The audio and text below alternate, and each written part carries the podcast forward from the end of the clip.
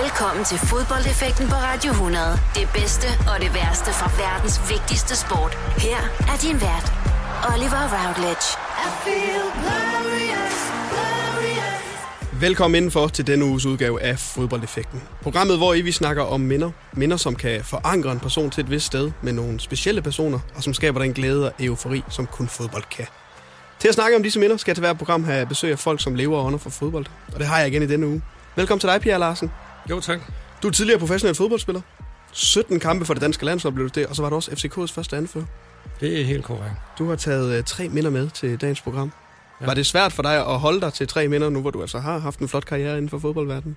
Ja, det var det. Da jeg sendte jo de to første minder næsten lige med det samme, og det tredje minde, det skulle jeg lige hjem og tænke om, for da jeg så havde rullet mine øh, skrætbøger igennem, så dukkede der jo et uh, minde om, uh, op, som jeg synes, det hørte også med til min karriere, og øh, det synes jeg bare, det, det er nok det, noget af det største, jeg har oplevet øh, kunne være en del af.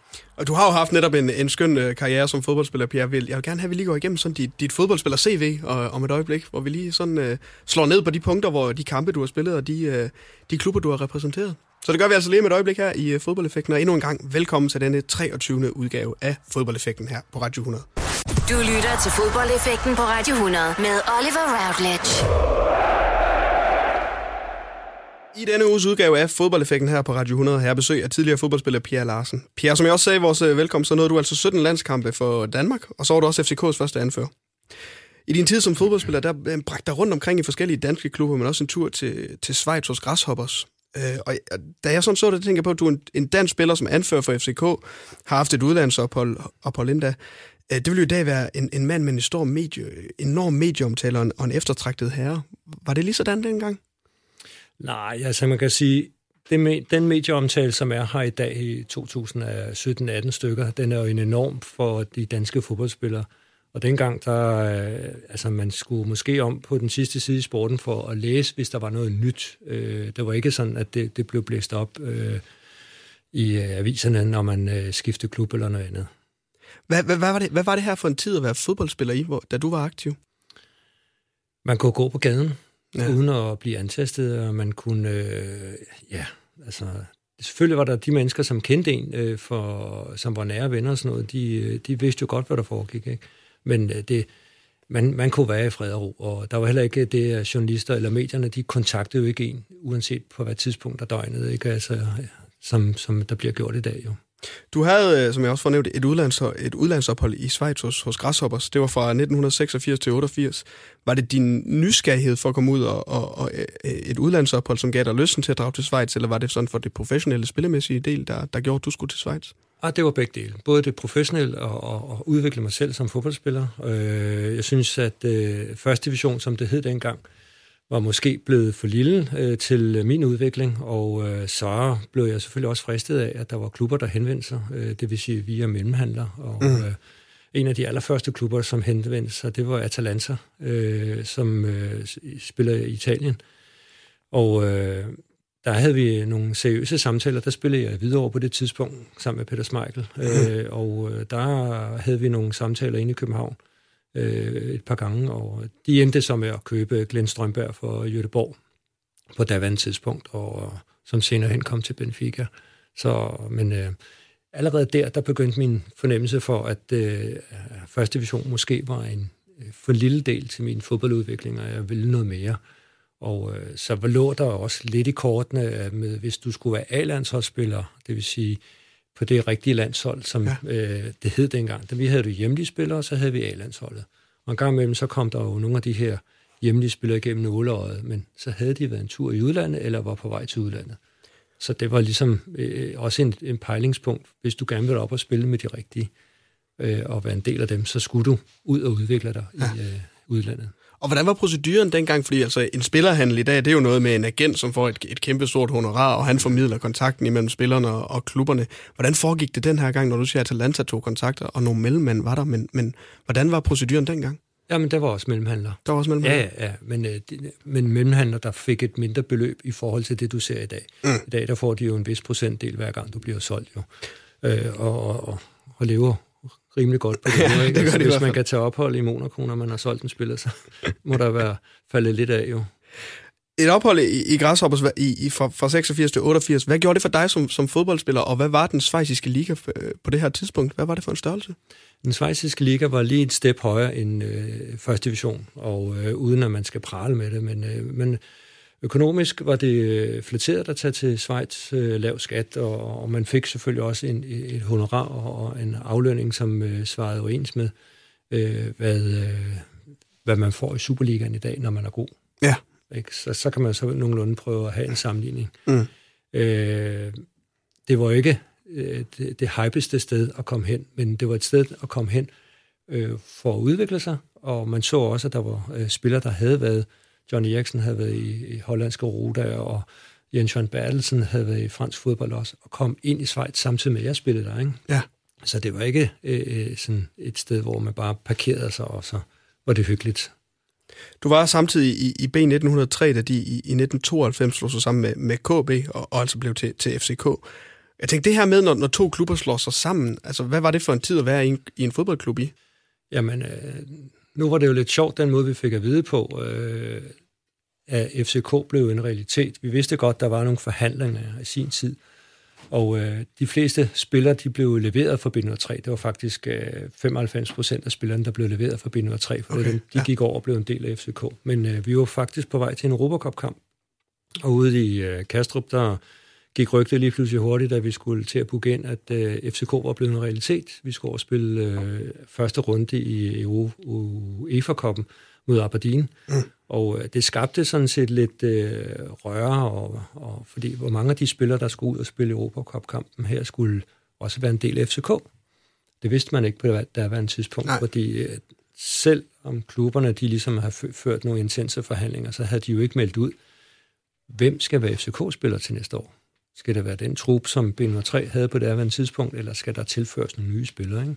Så der var en vis usikkerhed blandt spillerne omkring det her projekt ja, det var i, der. i sin tid, da det startede? Ja, men øh, det blev gjort til skamme efterhånden, som vi øh, vandt den første rundekamp, og faktisk også den anden og, og, og den tredje. Ikke? Var I i tvivl om, hvor, hvor gode I var i sin tid? Da det sådan, det, fordi det var nyt, og nu siger du 95 procent kom fra, fra B1903, men, men der var jo stadig, det var stadig helt nyt for jer det hele. Var I i tvivl om, om I kunne leve op til det, som folk forventede til, og hvad i virkeligheden var forventningerne til FCK, da det startede?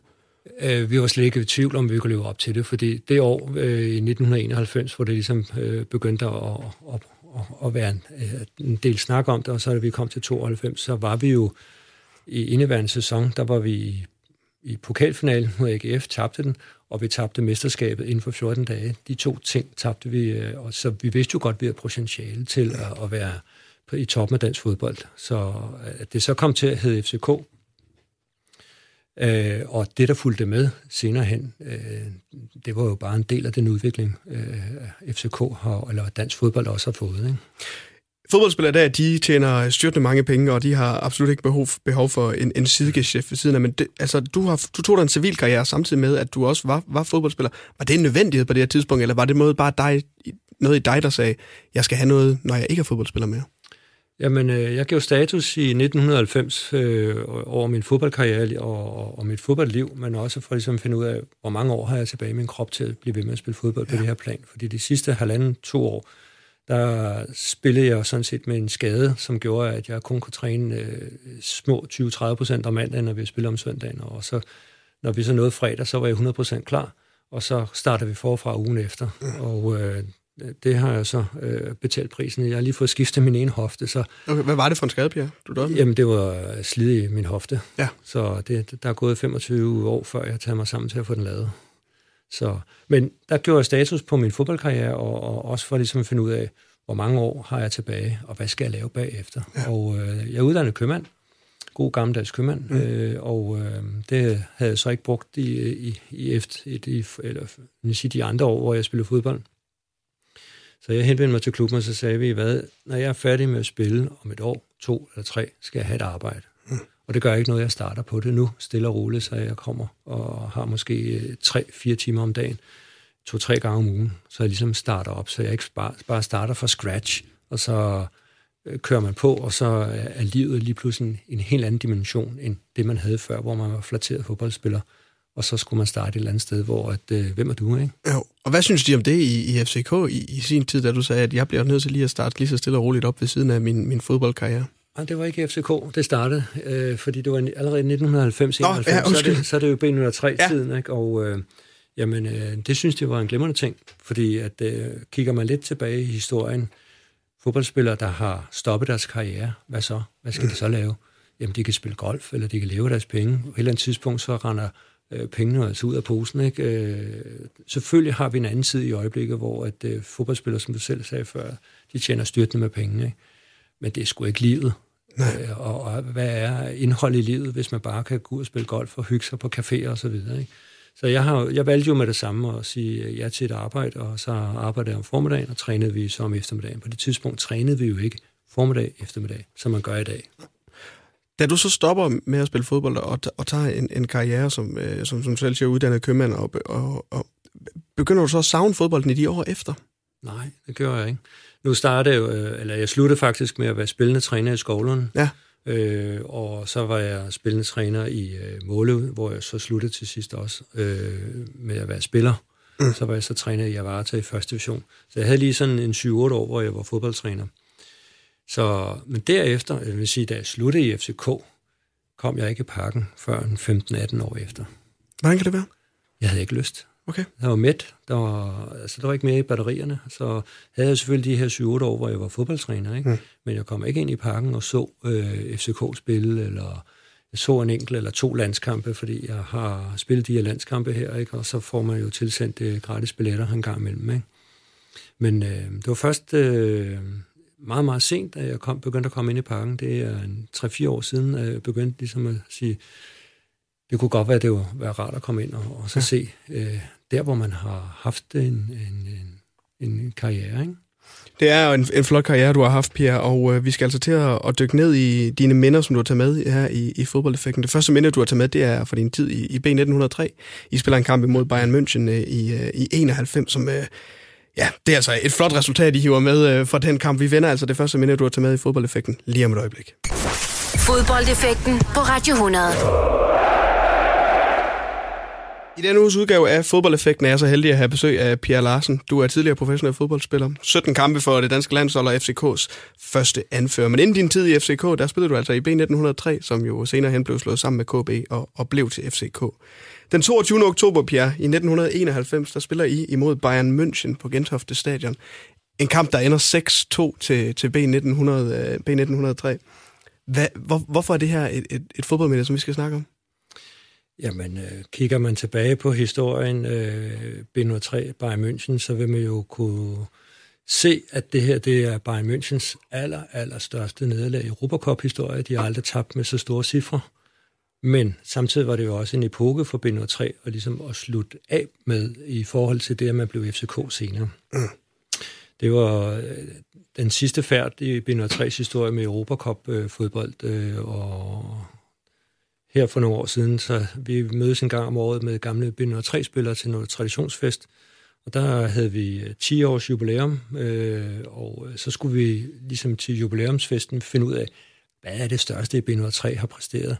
Øh, man havde 30 år siden har man vundet det sidste mesterskab. Øh, 20 år var det den sidste pokaltriumf. Og så havde man så øh, det største fodboldresultat, Binder 3 nogensinde har præsteret. Det var som Bayern München-kampen. Så det er jo, øh, for mig er det øh, absolut det største fodboldresultat, jeg har været med til, og har været en kæmpe oplevelse. Ja. Vi, øh, altså, vi troede jo ikke vores egne øjne, da vi kom ind øh, efter kampen, og, og, og som anden halvleg skrev frem, så blev de jo splittet fuldstændig. Altså, det var lige meget, hvad vi gjorde, så, så lavede vi jo næsten mål. Ja, for jeg til at sige, altså, der står 1 i halvlejen, I kommer sågar bagud 1-0 ja. øh, på, på hjemmebane, og 1 i halvlejen. Hvordan er stemningen nede i omklædningsrum, når der står 1-1 på hjemme, hjemmebane mod Bayern München? Har man en formodning om, at man skal ud og score fem mål i anden halvleg? Det, det har man jo næsten ikke, kunne jeg forestille Overhovedet ikke. Ah. Altså, vi havde på fornemmelsen, at uh, vi kunne godt komme derfra med et fornuftigt resultat, men vi var også godt klar over, at kamp 2, hvis vi kom derfra med en uafgjort eller et meget knepen nederlag eller uh, en knepen sejr, så vidste vi jo godt, at uh, det var på lång tid, at vi havde det her resultat med mm. os, men da vi så efter 20 minutter i anden halvleg lige pludselig stod det 2-1, så blev det 3-1, og dengang kampen den blev ikke vist i fjernsynet, den blev til gengæld øh, sendt over radioen P3, mm. og hver gang, at der havde været et musikstykke, så den her journalist, der var der, han var jo euforisk, han sagde, jamen altså, det er helt fantastisk at ske, de har scoret igen. Så hver gang han var væk, så scorede vi jo, ja. så var der jo musik. Perfekt. Der, der afbrød man jo ikke musikken. Nej. Så det, det var jo, altså når jeg snakker med mennesker, som har oplevet den her fodboldkamp i mediet, mm. altså radioen, de sagde, det var en fantastisk oplevelse. Ikke? Ja. Men det har jo også været en fantastisk oplevelse inde på banen for, for jer som, som spiller. Absolut. Øh, altså, vi, altså, som sagt, øh, som jeg sagde før, det var lige meget, hvad vi gjorde, så, så lavede vi jo næsten mål. Mm. Og øh, da vi kom på 2-1, så kom nummer 3 og nummer 4 og nummer 5 kom ganske hurtigt, øh, inden for en 12-14 minutter. Ja. Øh, så det var ja, bare fantastisk. Der, Ivan Nielsen scorer til, til to i det 52. minut, så bliver der scoret i det 62. og 65. og 78. Altså, det gik ja, hurtigt her. Ja, det gjorde det. Men, men hvordan, hvad, hvad var opbygningen til den her kamp? Fordi altså, det, det er den anden runde af, af UEFA-koppen. Jeg spillede mod Aberdeen i, i, i første runde. Også for sådan at sætte det i relief, fordi altså Bayern München er jo et, er jo et kæmpe stort hold nu. Men var de også det dengang? Ja, det var det jo. Men vi vidste jo også godt, på papiret, der var det måske et af de dårligste eller svageste Bayern München-hold, der har været i et år 10 okay. i, i 1980 og 1990. Så de, de havde jo Brian Laudrup med i truppen, men øh, han var jo skadet på det, der var en tidspunkt. Øh, så, men når man kigger på, hvilke spillere der var på holdet, der var Steffen Effenberg, og der var Olaf Thun, det var markante øh, tyske landsholdsspillere. Ja. Øh, de havde ikke deres bedste målmand øh, til rådighed, han var skadet, så... Men i, i sig selv Bayern München skal ikke tabe 6-2 på udebane til et middelmåde øh, Europacup-hold. Så og det gjorde de Og hvordan var jeres reaktion, da I fandt ud af, at I skulle møde Bayern München? Fordi du siger, okay, det er måske ikke det stærkeste hold på papiret, men det er jo, det er jo stadig en, en stor klub. Men I må jo så have haft en formodning og en forhåbning om, at I, I, I kunne gå ind og slå dem. Jamen, vi, vi, vi tænkte jo, altså her der har vi en mulighed for at tjene lidt ekstra penge på tv-penge og, og, og lidt på bonusen på tilskuer og så ja. videre. Men vi havde jo ikke en, en idé om, at vi skulle gå videre efter den her runde. Så, så det var jo det var utænkeligt, at vi skulle gå videre. I spiller den her første kamp imod Bayern München på et, et udsolgt Gentofte stadion. Øhm, bliver du nervøs inden, inden sådan en her kamp i, i UEFA Cup-runden, hvis du sådan skal, skal skrue, skrue tiden tilbage, når I skal spille på hjemmebane imod Bayern München og på et udsolgt stadion? Nej, overhovedet ikke. Altså, vi jo, hvis man kigger på det hold, vi havde dengang, der havde vi jo en 5-6 gamle, garvede, rutinerede spillere. Øh, der blandt Ivan Nielsen, Kenneth Wiener Michael Manike og jeg selv. Vi, vi havde jo den her sådan, øh, skal vi sige, gennemsnitsalder, som gjorde, at der var stor rutine på holdet, og det gjorde ikke at noget, at vi spillede øh, for de her 12.000. Runden før spillede vi for 15.000 i Aberdeen. Ja. Øh, og så, så folk havde jo vendt sig til, at der var jo øh, en, en tilskuer, øh, hvad skal vi sige, pres på, når vi spillede på udebane eller på hjemmebane nu her i, i, i pågældende kamp. Ikke? Men øh, Nej, man når ikke at blive nervøs. Man er så professionelt indstillet, så det her det er noget, man ligesom skubber lidt ud. Og nu nævner du selv nogle, nogle af de spillere, der, der var på det her B1903-hold. Det, er jo, det er jo også dit, dit andet ophold i B1903 øh, i din karriere på, på det her tidspunkt. Da du så kommer tilbage til, til B1903, kunne du mærke forskel på den første tid, du var der, og så den anden tid, du var der?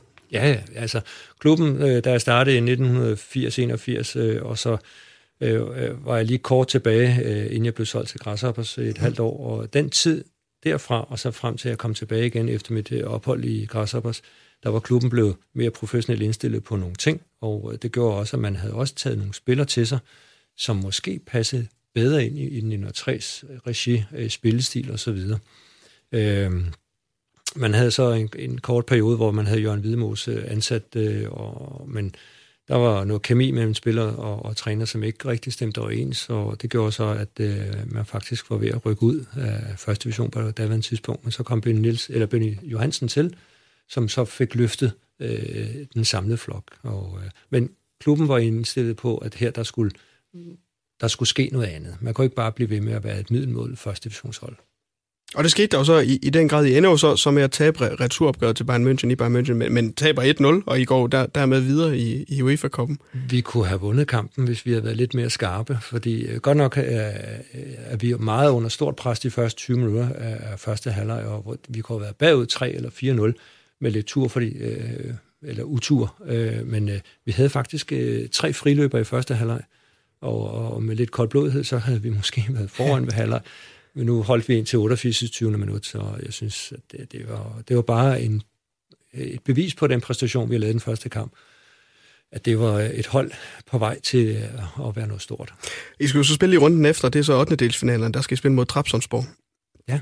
Øh, I går videre for, for den runde med en hjemmesejr på 1-0 og, og, og uafgjort i, i Tyrkiet. Ja. Så der går I også videre. Ja. Altså, hvor godt et hold var I på det her tidspunkt? I slår store, store hold ud af, ud af UEFA-koppen. Jo, men øh, som sagt, det er jo et, en, blanding af unge, talentfulde spillere, og så rutinerede spillere, som havde prøvet noget mm. i deres øh, tidlige karriere. Michael Manneke har spillet i Benfica og på topscorer på skisets fodbold to år ja. i træk, og tog hjem på et tidspunkt og blev hentet ned igen, og Ivan Nielsen, som en af de få danskere, der har vundet mesters, øh, øh, sige, øh, Champions League. Ja. Øh, en meget tidlig udgave med øh, PSV Eindhoven.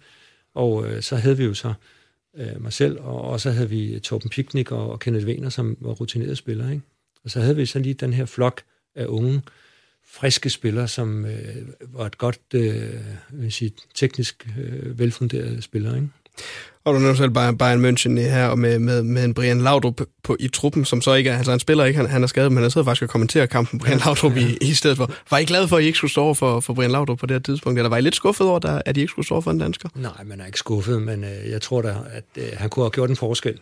Mm. Helt klart. Og, og, og der er ingen tvivl om, at øh, han øh, har været og var på det der den tidspunkt en stor fodboldspiller, så, så tror jeg ikke, at det har gået så nemt. Bayern München, de blev, altså som kampen skrider frem, så blev det et mere og mere øh, tydeligt gjort, at det var et hold i krise. For det, de lå jo ikke blandt de øh, 8 eller 10 bedste, da vi mødte dem. Der lå Nej. de jo faktisk midt i Bundesligaen, midt i rækken. Hvem er bedst i, i, på det her tidspunkt? Fordi altså, hvis man zoomer ud nu, som sagt, og siger bare, München er et kæmpe hold. Og, men hvem er bedst i, i, i Europa på, på det her tidspunkt af, af de spillere? Hvem, hvem, hvem var dem, I mindst vil møde, hvis man kan sige det sådan? Og nu kom vi jo så til at, at, at, at møde Torino, som gik til øh, semifinalen. Mm. Og, øh, altså, jeg kan ikke lige huske, hvor, øh, hvem der var tilbage i, i, i UEFA-koppen, fordi det var ikke Champions League, Nej. men det var UEFA-koppen. Men der var gode hold med. Den, de sidste 16 hold, det var fantastisk fodboldhold, jo. Og det har I jo så også været, selv ja. som I, I, I var med i det her. Et fantastisk minde, og altså et dejligt at lige at få opfrisket, at vi altså også kunne slå de store nationer ud i, i selv tilbage i, i, i 91. Hvis vi sådan sætter det her resultat i relief i forhold til andre store danske europæiske resultater, Pierre, altså sådan et, et, et OB, der slår Real Madrid ud, og Manchester United uh, imod OB på Old Trafford, hvor OB får 2-2 resultat med hjem. FCK har spillet uafgjort i parken sammen med, uh, med Barcelona. Hvor stort et resultat var det her for B1903, men også for, for dansk fodbold i sin tid? Jamen, inden øh, jeg kom her, så sendte jeg jo nogle minder, og, øh, og et af minderne, de øh, minder lidt om... Øh, Brøndbys kamp øh, i øh, Champions League, hvor de møder Roma og taber øh, i det sidste minut, hvor de kunne gå til finalen. Mm. Og øh, jeg synes, at de to resultater i dansk fodbold er nok de største, der har været. Altså, som jeg mindes, jeg ved godt, at nu er vi tilbage i en anden tid med FCK og med Brøndby. Og, ja. øh, men ser vi på, hvor langt vi var kommet i, i, i selve turneringen, altså det er jo ikke første runde, det er heller ikke anden runde det er jo tredje, fjerde, det er, det er kvartfinalen, og det er semifinalen mm. i, i en Europacup-kamp, ikke? eller turnering. Ikke? Altså, det er jo stort. Og det bevis, be, be, eller, man siger, beviser jo her, der er, der har været begået noget stort i dansk fodbold. Fodboldeffekten på Radio 100. De største og de værste øjeblikke i fodboldhistorien. I denne uges udgave af Fodboldeffekten er jeg besøg af Pierre Larsen. Du er tidligere professionel fodboldspiller. Du nåede 17 kampe for det danske landshold. Du er FCK's første anfører. Du havde et udlandsophold i, i Schweiz hos Græshoppers.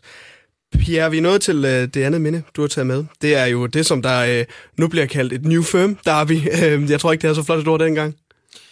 Nej, det, jeg tror ikke engang, det var opfundet dengang. Nej. Men øh, vi har jo faktisk øh, årene op til, eller til, øh, til 1993 og 90 kampen som er mit andet minde, øh, hvor FCK vinder sit første mesterskab, der havde man jo faktisk øh, både i 90, 91 og 92, der har man jo haft nogle kampe, hvor der var mere dramatik på, end der har været tidligere i de andre år, ja. og der var flere tilskuere, der var begyndt at strømme til. Øh, faktisk, øh, det vi snakker om før med Bayern München, der øh, tre dage senere, der møder vi jo Brøndby på Gentofte Stadion, hvor der er lige så mange mennesker, som der var til Bayern München. Okay, ja. Så, så der var allerede tendens til, her, der er noget historisk øh, mindeværdigt øh, mellem de her to klubber. Så allerede der kunne man se rivaliseringen, der, der var ved ja, at opstå? Ja, ja, men ikke i den grad, som vi oplever, når tilskuerne strømmer til, og der er slåskamp og Nej, sådan noget. Ikke? Det er jo... heldigvis ikke på en måde, kan man sige. Det er altså det andet med Brøndby FCK den 13. juli 1993. Det er en kamp, der sikrer FCKs første mesterskab. Hvorfor skal vi snakke om, om den her kamp? Jo, fordi det, er det eneste mesterskab, jeg har vundet i, øh, i, i min karriere. Mm. Jeg har vundet andre mesterskaber i indendørs fodbold, og, og, og, men øh, jeg synes, at det, det sætter... Det, det var min sidste turnering. Jeg havde proklameret, at jeg ikke skulle spille fodbold længere bagefter. Ja. Jeg havde tænkt mig at trække mig tilbage. Og øh, på daværende tidspunkt øh, var min krop øh, ved at være slidt så meget, så jeg vidste jo godt, at det, det var ved at have inden, og og så kan man jo ikke forlange mere, øh, at man så slutter af med et dansk mesterskab. Og så var det jo prikken over i, at det var øh, FCK's første mesterskab, man havde lagt i kakkeloven, inden at øh, FCK blev dannet, at det skulle være en klub, der øh, ligesom var toppen og pop med dansk fodbold. Det skulle være vinde mesterskaber og pokaler. At man så gør det i den, sin første sæson, det er jo, øh, det er jo bare et eller andet sted både heldigt, men også godt. Nå, men det er jo en, en kæmpe stor styrke, man kører efterhen for dansk fodbold, altså det her, det her mesterskaber og for FCK på en eller anden måde. Men det er jo et nervepirrende opgave, en nervepirrende runde i Super, eller i Superliga første division, hvad, hvad, det, hvad det så end hed den, dengang. Fordi at det er jeg og, og, og OB og Brøndby, der sådan ligger og kæmper mm. om det her mesterskab. Kan du huske opbygningen til kampen? Altså OB skal en tur til OB og spille, og I skal spille det i Brønd, på Brøndby Stadion for at, hvis I vinder og OB taber, jamen så er I danske mestre. Hvordan, hvor, hvor nervepirrende var det at skulle gå ind til de her kampe? Altså det var jo en ekstremt tæt. Jamen det var meget tæt, fordi at det er faktisk først det sidste kvarter, at, øh, at vi ligesom får at vide, at øh, OB er bagud op i Aalborg. Ja. Der står det 2-2 øh, på Brøndby Stadion, og, og, og, og man sige, optakten til kampen, det var jo, at øh, vi skulle ud og vinde, for at stadig at bibeholde chancen for at afgøre det i parken. Mm. Fordi der skulle vi jo møde OB. Øh, hvis vi gik ud og tabte på Brøndby Stadion, jamen, så var der lige pludselig to hold, der havde chance, eller vi var faktisk tre hold, der kunne vinde mesterskab i den sidste runde. Så vi kom jo under et kolossalt pres øh, de første 20 minutter med, mod Brøndby, og kom bagud, og og så gik øh, gassen lidt af dem, de trak sig lidt tilbage, og så får vi så udlignet til 1-1 øh, og kommer på... Øh, jeg kan ikke huske, om vi kommer på 2-1. Øh, og så, ja, det gør vi. Ja, inden, Martin Johansen til 2-1 i, i det 28. minut. Ja, og, og så, så var det, at øh, vi ligesom begynder at forsvare os, i stedet for at bare blive ved med at trykke på. Ja. Øh, Brøndby kommer så tilbage i anden halvleg og fortsætter det her sådan, kolossalt pres, og det står 2-2 meget langt hen i anden halvleg øh, og de har faktisk chancer for at øh, lukke kampen til deres fordel.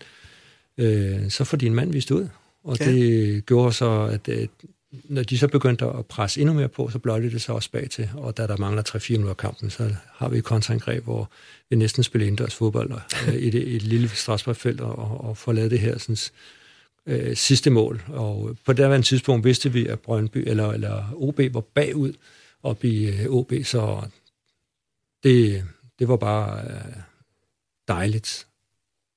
Jublen den brød ud i FCK-lejren, øh, var en min underdrivelse, står der. Det var den vildeste forløsning, jeg citerer fra FCK's egen hjemmeside her. En eventyrlig fodboldkamp, står der. Følte du også, du var en del af en eventyrlig fodboldkamp, da, da I rendte rundt den på banen her? Eller var det først bagefter, det gik op for dig, hvor, hvor stort det her det var? Men efterhånden, som kampen skred frem, så det var faktisk en, en fantastisk god fodboldkamp øh, på et daværende tidspunkt med et højt øh, niveau, tempo og Øh, teknisk øh, var det en fantastisk oplevelse, tror jeg også, både for publikum at se, fordi der, der kampen bølgede frem og tilbage. Der var ikke noget tidspunkt, hvor man tænkte, hold op, det var en, en, en, en gaberkamp. Der var hele tiden noget, der skete, enten i den ene eller den anden ende. Og øh, selve kampen ind på banen, der var også et tændst, fordi at, øh, der var ikke nogen af de her sådan, store spillere, der ville tabe kampen. Nej. Du er jo på det her tidspunkt anfører for det her øh, FCK-hold, som, som går på banen i, imod Brøndby.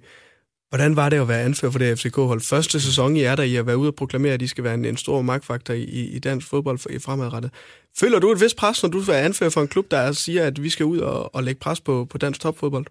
Nej, fordi det, jeg, da jeg kom tilbage fra Schweizisk fodbold, der blev jeg så også anfører i B3, mm. og havde de her 3-4 år inden været anfører for et, et B3-hold, der blev bedre og bedre, hvor vi også havde haft prøvet de her sådan, Europacup-succeser øh, at vi så i, i, i halvanden års tid har snakket om, at FCK skulle etableres, og jamen, der vidste jeg jo godt, at jeg stadig skulle være anfører. Okay. Fordi det, det, det var ikke noget, der, der kom som øh, noget nyt noget. Så jeg havde jo også øh, min landsholdskarriere har jo også været anført for det danske olympiske landshold, og haft øh, en 6-8 kampe, hvor jeg var anført der. Altså, så det var ikke noget, som jeg følte, hold op, hvad gør du nu? Altså. Det kan jo være meget udansk at, at rose sig selv, men hvorfor? Det, det har jo ikke været tilfældigt. Du har været valgt, valgt som anfører, Pia. Hvorfor tror du, det var dine egenskaber på fodbold, eller dine lederegenskaber måske, der gjorde, at du skulle være anfører? Hvorfor, hvorfor mener du selv, at du var anfører for, for de her hold, som, som du spillede for? Jamen, jeg tror, nu nævnte du selv de der lederegenskaber, at det er det, det, som jeg, jeg er ikke den hurtigste spiller, eller det var jeg ikke. Jeg var måske ikke den tekniske øh, spiller, der kunne afdrible tre mand i, i, en, en telefonboks eller noget andet. Men jeg havde nogle lederegenskaber, jeg havde et overblik, og, og jeg havde en tilgang til mine øh, holdkammerater og til det hele taget til fodbolden, som gjorde, at jeg tror, jeg blev valgt, fordi at øh, jeg havde de her sådan, ting, der, der kunne øh, flytte holdet. Mm. Folk lyttede, øh, og det tror jeg, det er rigtig vigtigt, at, at, når man er anfører eller kaptajn for et hold, det er, når der bliver sagt noget for en spiller, som er ligesom er det forlængede talerør for, for træneren. Øh, nu skifter vi tempo, eller nu skifter vi pres, eller noget andet. Ikke? Og, og når du så har haft succes med det, så er det jo også nemmere at fastholde det. Hvad var vigtigst for dig som anfører? Altså, var det, var, var det der forlænget talerør, eller var det, at du skulle sørge for, at du bibeholdt en respekt for dine spillere, men også kunne finde ud af at få dem til at lytte til dig? Hvad lagde du vægt på for, for, for at være en god anfører? At holdet det kunne vinde med de midler, man nu havde. Mm. Og øh, så er der jo, altså, hvis man vinder kampen, øh, fordi man har spillet godt, øh, og, og skal man sige, øh, at holdet har præsteret det bedste, fordi at trænerens taktik, men også det at holdet, det ligesom står sammen om det, bundet sammen med nogle forskellige faktorer, og det kan jo være en anførers job at sørge for de ting, de sker øh, i kampen. Så jeg har efterfølgende øh, set og, og øh, hørt inden i parken, og kommet til øh, nogle af de her kampe, vi ser derinde, så mødes vi jo nogle gamle b 3-spillere, som også kommer med over i FCK. Og, og den måde, vi, vi hilser på, ikke, det er jo, at øh, jeg var den ældre spiller. Ikke? Øh, så, så, så kan man jo mærke, at den respekt, de havde dengang, den er der stadigvæk. Ja. Og, og, det er jo, og det har jo noget at gøre med, at man har jo lykkes øh, som, som menneske, som øh, idrætsudøver, eller som øh, anfører også. Jo. Det er jo en kæmpe gave, mm. synes du Altså, er, du, er, du, er du ikke solgt af det? At, Absolut. At, ja. Fordi øh, Efterfølgende, de tre næste år efter, øh, jeg stoppede med at spille i, i FCK, så kunne jeg godt se, det hul, jeg efterlod, det var ikke bare et hul, man, man øh, fyldte ud med nye spillere. Der er efterfølgende kommet nogle nye sekser derinde, som ja. har fyldt hullet ud, men der, man skal være heldig for at finde den rigtige. Fordi sekseren på FCK's hold, det er som regel den spiller, som er anfører. Nu ved jeg godt, der er en tiger, der har anførbind i øjeblikket, ja. ikke? men han har jo overtaget det efter, at William Kvist måske ikke har sin bedste sæson, eller er blevet sorteret ud på, på bænken derude. Ja. Så. Og det er jo, som du selv siger, en vigtig spiller. Altså ja. midtbanespilleren i FCK har jo ja, en William Kvist, en Thomas mm. Delaney, endda en, en Hjaltebo Nørgaard også. Altså, ja, ja. Det, er, det er nok ikke tilfældigt, at det er en midtbanespiller i FCK, der anfører, når man, øh, når man dykker ned i det og, ser, og kigger statistikkerne i hvert fald. Og, og, og den spiller, der skal være anfører for FCK, eller bare sådan generelt, han skal jo bestå af noget specielt. Mm. Han skal jo ikke være en, en ego. Han skal ikke en, der kun tænker på sig selv. Han skal tænke for holdet. Han skal tænke på, hvordan holdet udvikler sig i en kamp.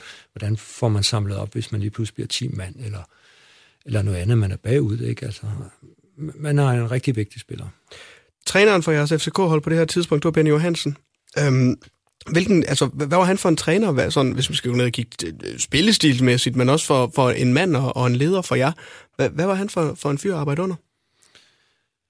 Han havde ikke de helt store armbevægelser, men han havde et princip. Øh, den spillestil, han øh, praktiserede, det var 3-5-2, og den ved han ikke fra. fra og, okay. og, og det, øh, der var nogle hold, der var begyndt at spille 4-4-2, men øh, han havde en idé, at med den spillertrup, han havde til rådighed, så var den bedre tjent med at spille 3-5-2, end at spille 4-4-2. Og så det, han, øh, han var ganske meget nede på jorden, øh, når det fungerede bedst for ham, så havde han rådet en pakke smøger i løbet af en fodboldkamp.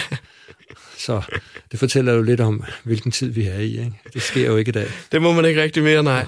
Øhm, du er jo senere hen, øh, efter din uh, tid i, i FCK, også gået hen og øh, blev præsenteret som det første medlem i sin tid af FCK's Legends Club. Hvad betyder det for dig, at du blev en, en del af det, af det her Legends Club, som altså tæller store navn? Jamen, øh, for en 10, måske 15 år siden, så havde jeg fat i Lars Højer og Diego Tur, som er ansat i FCK. Ja. Og øh, Flemming Østergaard var på daværende tidspunkt direktør, øh, og hvad skal man sige, mastodonten i FCK. Og øh, der havde jeg nævnt for Lars og Diego, om det ikke ville være en god idé, fordi jeg har hørt, at man ude i Brøndby, der havde man jo øh, et spiller... Øh, lokale, eller man havde gamle spillere, der kom, kunne komme til øh, Brøndbys kampe, og man samlede op på historien af Brøndbys mm. spillere. Om det ikke var en god idé, at man også ligesom øh, lavede noget lignende.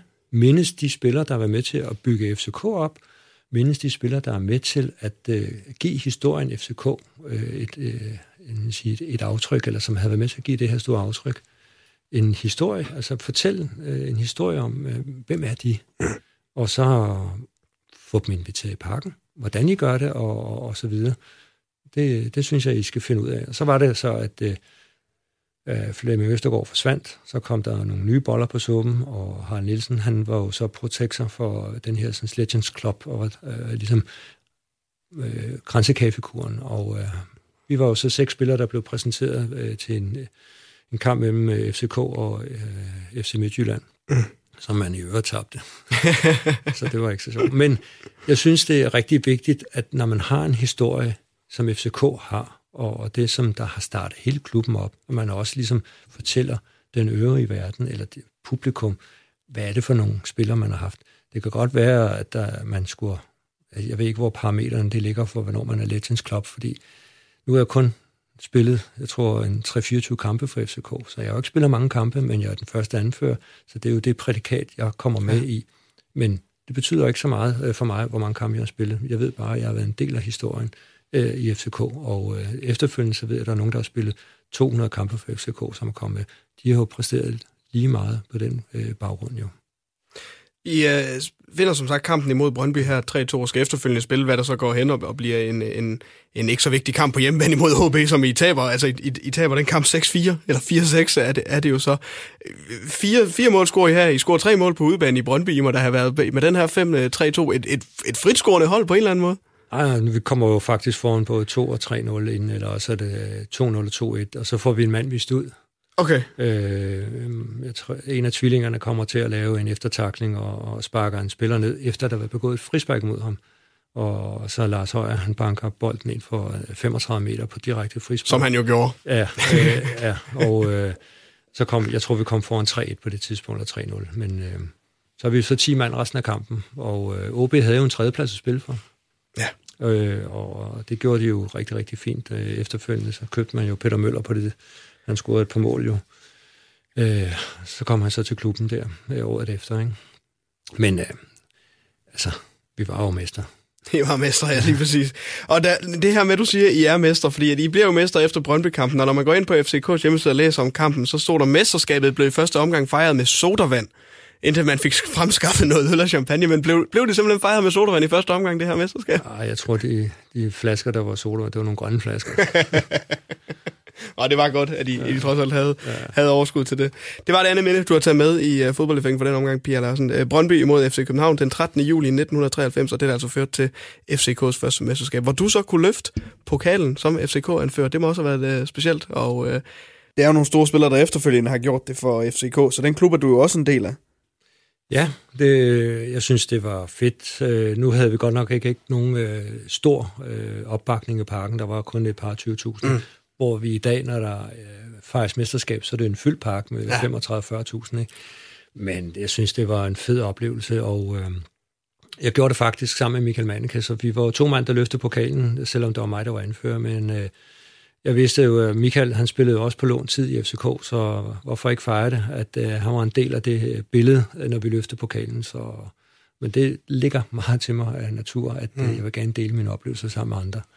Inden vi lige lukker helt ned, Pierre, mm. øhm, det var jo også øhm, en tid, hvor, hvor du vidste, at din fodboldkant var ved, at, var ved at nå sin ende. Så hvad betød det for dig også at, at slutte med det her mesterskab i, i hånden? Altså, var det ikke ekstra speciel afslutning på, på, en, på en fodboldkarriere?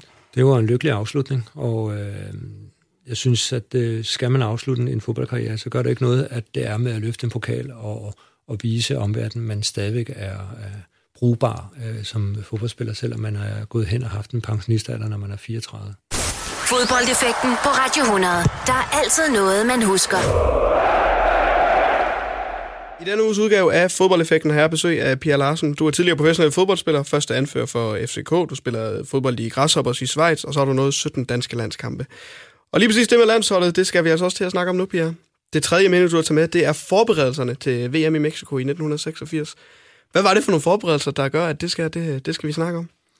Jamen, øh, nu gik jeg jo hjem for at lige tænke lidt over, hvad det tredje minde skulle være, og der bladrede jeg igennem en skrætbør, og så faldt jeg så over, jeg havde tænkt lidt over, at øh, min tid som landsholdsspiller skulle selvfølgelig også være en del af det her minde i, i den her udsendelse, og øh, der er en af de første ting, der sker i januar måned, at vi, vi vidste jo godt, at vi at de hjemlige spillere, vi skulle til en Mellemamerikas tur, hvor vi skulle forbi Mexico, eller det var det første stop, vi havde.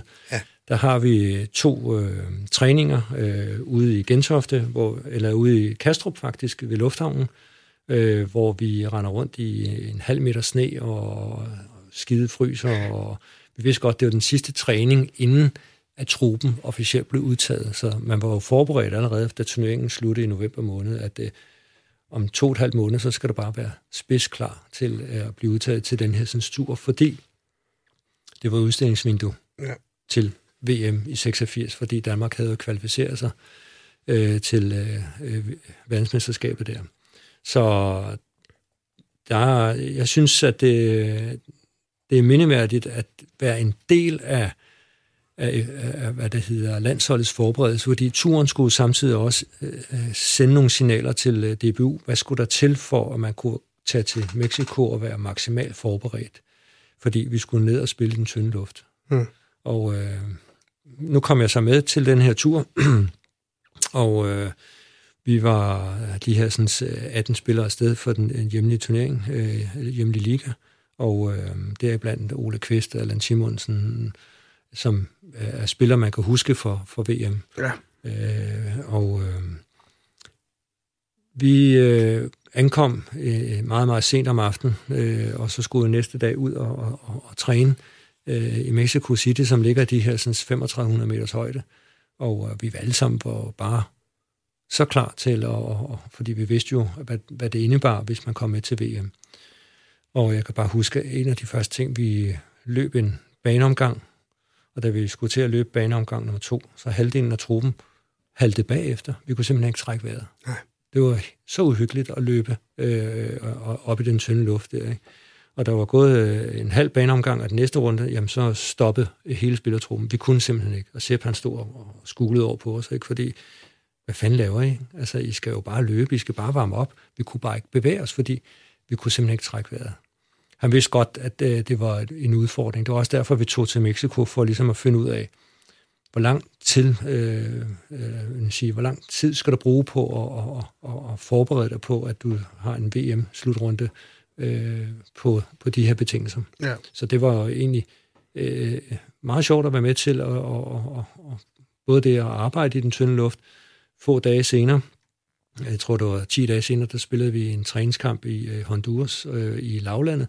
Vi havde simpelthen så meget energi. Det var, det var helt fantastisk at spille, hvor man bare kunne blive ved med at løbe og løbe og løbe. Ja, så de her 10 dage, i, eller 8 dage i højden, har gjort så meget øh, ved vores indtagelse af ilt, iltfattigt øh, af vores røde blodlemmer. De var mm. simpelthen øh, vokset til det dobbelte. Vi kunne bare det hele.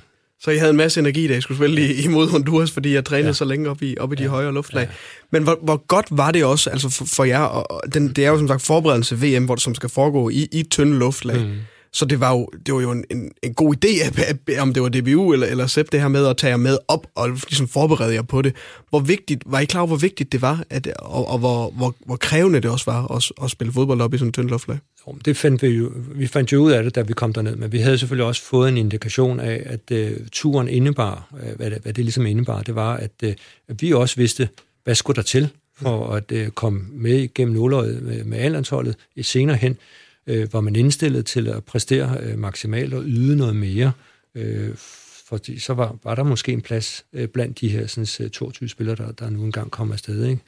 Så da, da, da man havde været igennem den her 17-18 øh, dages tur, som den var på, så fandt man jo ud af, hvilke krav DBU også stillede til øh, de hjemlige spillere. Ja, i den grad. Og det her, det er jo altså det første det er det første VM Danmark, øh, VM-slutrunde nogensinde, som Danmark har kvalificeret sig. Det er under træner Sepp, Sepp Piontek. Øhm, det skulle øh, som sagt afholdes i, i Mexico, men hvis vi skal, skal hive fat i Sepp, der var landstræner på det her tidspunkt, han betegner som en af de, de bedste, vi har haft. Er han den bedste træner, du har prøvet at arbejde under os? Nej, det er det ikke. Nej? Nej, nej, overhovedet ikke. Altså, Sepp, han, øh, han kom jo til Danmark på et tidspunkt, hvor at, øh, man måske manglede en, en, en øh, ikke kæftrit og retningstræner, men en, som kunne sætte sig, i, øh, sætte sig lidt på tværs af, hvad medierne mente, og, og man samtidig også kunne skabe resultat. Og øh, på et tidspunkt kan jeg huske øh, en af de første kampe, øh, der hvor han ligesom... Øh, han satte spillerne på plads, og det var, at øh, de var vant til at komme hjem øh, halvanden til to dage før landskampen, og så øh, indlogere sig på et københavnsk hotel, og så, åh, vi skal lige en tur i byen og sådan noget. Ikke? Og, men det ville han bare ikke have, at spillerne gjorde. Så de blev parkeret ude i Brøndbyerne, øh, øh Brøndbyernes øh, hallen derude, og man kom til at øh, bo i sådan en betonbunker, hvor sengene kun var to meter. Og når du så er lige omkring to meter, så støder du hælene mod sengekanten, ikke? og det brokker spillerne så voldsomt under, eller over, at øh, hvorfor skal vi have de her betingelser? Så sagde han til dem, jamen ved I hvad, den dag I vinder, så flytter vi tilbage til Vedbæk, eller, eller til et sted, hvor der er, er gode forhold. Ikke? Ja. Og det ændrer jo også lidt folks ophold, eller, eller, eller opfattelse af, hvad er, det, hvad er det, han gerne vil have af os? Hvad er det, han forlanger af os? Ikke? Så når du så spørger om, han var den bedste træner, ja, taktisk, nej. Der har været andre trænere, som øh, måske har haft et tør, større taktisk indsigt i modstanderen. Ben Johansen blandt andet, mm. end øh, Sepp Piontek. Men øh, han havde bare noget andet magi, som gjorde, at man, øh, man hørte sgu efter. Ikke? Og man, man, man øh, prøvede måske nogle grænser også. Var han, altså nu, nu revolutionerende et stort ord at bruge, men, men for det danske land, så var, var det lidt, øh, det var i hvert fald en ny tid, man gik under med, med Sepp Piontek, var det ikke det?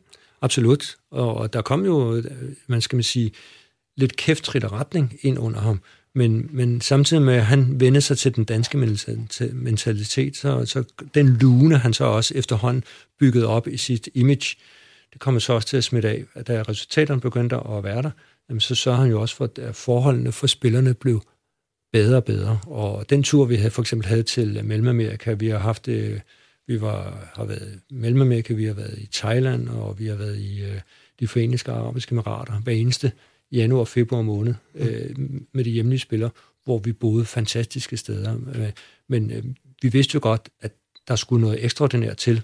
Øh, men han var jo så en, en, en, en træner med et glimt i øjet. Det fandt han jo ud af. Hvis han skulle have noget ud af os, så skulle han også have et glimt i øjet og så forlangte han så også nogle andre ting øh, hen ad vejen. Ikke? De ting, han forlanger af sine spillere, er, er, er det, hvis man kan bare kode ind til professionalisme, det som man kender det godt og grundigt i dag? Ja, ja. ganske enkelt. Altså, der er ikke nogen øh, øh, små steder, der er ikke nogen, der er ikke nogen lave hække, når man bare lige springer over. Men, skal man over et sted, jamen, så, så må man yde det maksimale de her forberedelser til, til VM i, i Mexico i, i 86, det er jo med altså, et, et VM, som, som blev altså, betegnet for, som, for, så for et dansk landshold som en af de, altså, de bedste VM, og, og en smuk VM-trup også, vi havde på det her tidspunkt. Hvor, hvor hård var konkurrencen om at komme med til det der VM? Fordi du kommer desværre ikke med i, i truppen til VM, så der må have været hård konkurrence for, for at blive en del af den her trup. Jamen, den var meget hård, øh, og også fordi, at øh, vi var en 30-32 spillere, som der var at tage imellem, øh, og de sidste 10 spillere, der er der en, en 6-8 hjemlige spillere, der er, er med den pulje, og øh, som sagt, jeg kom jo ikke med. Jeg fik det at vide af en journalist en time før offentliggørelsen, der er en journalist fra Tipsbladet, der går forbi den tavle, hvor de her sådan, 22 spillere er, så ringer han til mig og spørger, hvordan føles det? Så siger jeg, føles hvad? Ja, du er ikke med? Så siger jeg, okay, tak. Og det er jo sådan en ting, som jeg måske er sådan lidt bitter over, at man ikke får at vide af træneren, at øh, du er blandt de her sådan, øh, 30-32 spillere, men øh, jeg bliver nødt til at sortere derfra. Ja. Men konkurrencen var ekstremt hård, øh, fordi at øh, de spillere, som du var op imod, det var spillere, der spillede i udlandet, og, og var de aller, aller bedste spillere herhjemme også. Det er jo nemlig altså, en flot trup. Elkær, Michael Laudrup, Frank Arnesen, Allan Simonsen, øh, Per Frimand, Søren Lerby, Jan Mølby. Altså, og du har jo spillet rundt med de her spillere til de, til de her forberedelser også. Kunne du se i den tid, altså, når, når, du, når du løb rundt og trænede sammen med Michael Laudrup for eksempel, hvor fantastisk en fodboldspiller han også har været at, at spille sammen med? Ja, altså både, øh, altså, jeg har jo spillet både med Brian og, og øh, noget også at spille sammen med Morten Olsen på landsholdet, ikke? Altså, så det er jo, øh, det var nogle fantastiske fodboldspillere, øh, og, og uden sammenligning øh, nogle af de aller, allerbedste, man overhovedet har haft i dansk fodbold, jo. Øh, hvor langt jeg så, så havde til de her, jamen, det er jo ikke for mig øh, noget, der, der handler om, hvor langt jeg havde op til dem. Øh, mig så handler det om, øh, hvad kunne jeg tilbyde? Hvad kunne jeg gøre for, for spillertruppen? Og når jeg var kommet så langt, øh, så jeg kunne være blandt de 30 bedste spillere i dansk fodbold på daværende tidspunkt, så synes jeg, jeg havde også bidrag og, og kunne være blandt de her sådan, reserver, der kunne være med til at, at gøre det godt. Ikke? Det her VM er som sagt et, et flot VM, altså det, det, det første VM, som, som vi var en del af, og et VM, hvor vi også altså, spiller god fodbold. Mm. Øh, altså vi har en fantastisk kamp imod Uruguay, hvor, hvor Preben Elkær viser, hvor, hvor god en fodboldspiller han, han i virkeligheden er. Um, kunne du nyde at se det her VM på samme måde, eftersom du, altså, du var ikke en del af truppen og blev, blev vraget fra. Uh, kunne du nyde at, at, at se VM'et, eller var, var der en, en, en bitterhed i dig? Nej, jeg havde ikke nogen bitterhed, og jeg så faktisk kampen der mod Uruguay, der kl. 1 om natten. Ja. Ikke? Altså, det vågnede op i sommerhus, og, og så tændte for fjernsyn, og, og fryde mig på, og glæde mig på, på samme måde, som alle andre danske fodboldfans har gjort, selvom man kunne have været en del af det. Øh, nej, jeg fandt måske ud af, da jeg så blev sorteret fra, øh, i, i anden slutrunde, da man skulle til Vesttyskland og spille øh, der, der, der blev jeg også sorteret fra i sidste øjeblik, så tænkte jeg, okay, så min tid på landsholdet ved at være slut. Så, ja. Men øh, nej, jeg har aldrig været bedre. Og det her, du har jo altså noget 17 kampe for, for det danske landshold. Hvad er det for en fornemmelse, det der med at, at repræsentere sit land? Hvis man ikke har prøvet at gå ind i en fyldt idrætspark, eller park, og fornemme det her sådan, jubel, der kommer, Altså, det, man, selvom man er gavet, og man har spillet masser af kampe for 50.000, 75.000 mennesker, det at gå ind i en fyldt idrætspark eller øh, park i dag, og, og så fornemme det her sådan, publikum, der bare ruller ned over dig i glæde og, og jubel, det er bare noget af det største, man kan opleve. Jeg havde øh, den fornøjelse at være med til Allan Simonsens afskedskamp i parken, hvor man spillede mod øh, viceverdensmesterne i Vesttyskland, da de øh, havde spillet øh, og havde været blevet nummer to i VM. Og, øh, og så havde jeg øh, stadig lysten til at spille på landsholdet, så jeg var en, øh, udtaget øh, blandt de her sådan 16 spillere. Jeg vidste godt, det var venskabskamp, men det betyder ikke noget. Men øh, det tag, der var på den gamle idrætspark, mm. det var rundt. Og når du så går ind og mærker den her sådan, øh, publikum-magnet, der er, altså det, det er helt vildt øh, så euforisk, det, det hele bliver. Hårene, de rejser sig bare, uanset hvor, hvor gavet man er. Ja. Det er fuldstændig fantastisk. Jeg kunne drømme om, og, og er meget misundelsesværdig på alle, der har fået lov til at opleve det. Vi kan jo så på, på sidelinjen og synge med mm. på, der er et yndigt land, og det må også være dejligt som spiller at, at høre det der brøl fra, fra tilskuerne. Men jamen, det er det også, og når man så står derinde, og man øh, synger nationalsangen, eller man øh, sidder på bænken og, og synger med, øh, man lukker rigtig meget ude. Mm. Så den der sådan, øh, storhed, eller øh, ting, som sker, øh, når der er så mange mennesker, det lukker man faktisk meget ud, og så er det jo samarbejde på banen, det, det opstår, fordi ja. man skal jo gøre nogle ting på automatik, fordi at, øh, man kan nødvendigvis ikke råbe hinanden op. Nej, det er vel med noget med, at man, man først rigtig kan nå at nyde det bagefter på en eller anden måde. Altså, når man, når man ser tilbage på det, hvor, hvor stort det har været. For når man står i, i momentet, har jeg snakket med, med tidligere fodboldspillere i det her program, også, også siger, at så er man så fokuseret på den opgave, der ligger foran, at man ikke rigtig når at, at tage det hele ind, hvilket jo sikkert er rigtig, rigtig godt, ja. men, men, men nogle, nogle dejlige minder kunne kigge tilbage på, på bagefter. Jamen, det er det også. Altså, det er jo... Øh, det er jo nogle, det er jo nogle dejlige ting at, at kunne tænke tilbage på, og man har været en del af, men, men når, når kampen den er slut, så tænker man, hold da op, Fed oplevelse. Ja. Dejlig fornemmelse. Her på falderæbet, Pierre, altså, hvad, hvis, er der noget, du savner ved at være professionel fodboldspiller? Ved ikke at være professionel fodboldspiller, er det så? Nej, jeg, jeg, jeg hviler rimelig godt i mig selv, og når folk de spørger, øh, nu arbejder jeg i Stark øh, i øjeblikket, og, og ved at skifte arbejde til Excel Byg, og øh, når folk spørger mig, hvad laver du her? Fordi de har jo set mig som anfører FCK, du må tjene masser af penge, og så siger hvorfor arbejder du i en forretning? Fordi jeg godt kan lide det. Ja. Og øh, jeg savner ikke at være flatteret og, og være med som medkommentator på en eller anden tv-station, eller øh, hvad det nu kan være, eller ja, jeg, jeg synes, jeg har fået øh, min del af oplevelsen af at være professionel fodboldspiller, og jeg har nydt øh, hver eneste minut, og jeg fortryder ikke, at øh, nu har jeg lige fået skiftet min ene hofte, at det, der øh, ligesom er slidt op ved at være professionel fodboldspiller, øh, at det øh, er noget, jeg ville have haft undværet. Du lytter til fodboldeffekten på Radio 100 med Oliver Routledge. Med de tre minder, som du har taget med, øh, Pia Larsen, så er vi altså nået til vejs ende med den uges udgave af fodboldeffekten. Vi snakkede om øh, B1903, Bayern München i, i 91, Brøndby FCK i 93, FCK's første mesterskab, som du sammen med Michael Manneke fik lov til at, at løfte. Og så altså landsholdets forberedelser til VM i, i Mexico i 1986. Tusind, tusind tak, fordi du har lyst til at komme ind og dele de her minder med mig. Jamen, det har været en fornøjelse at få lov til at dele minderne med jer, og øh, jeg håber også, at det, det gavner øh, dem, som sidder og lytter. Øh, hvad er det for nogle ting, der bevæger sig i, både i vores sind og vores øh, ja, hoveder. Fodboldeffekten på Radio 100. De største og de værste øjeblikke i fodboldhistorien.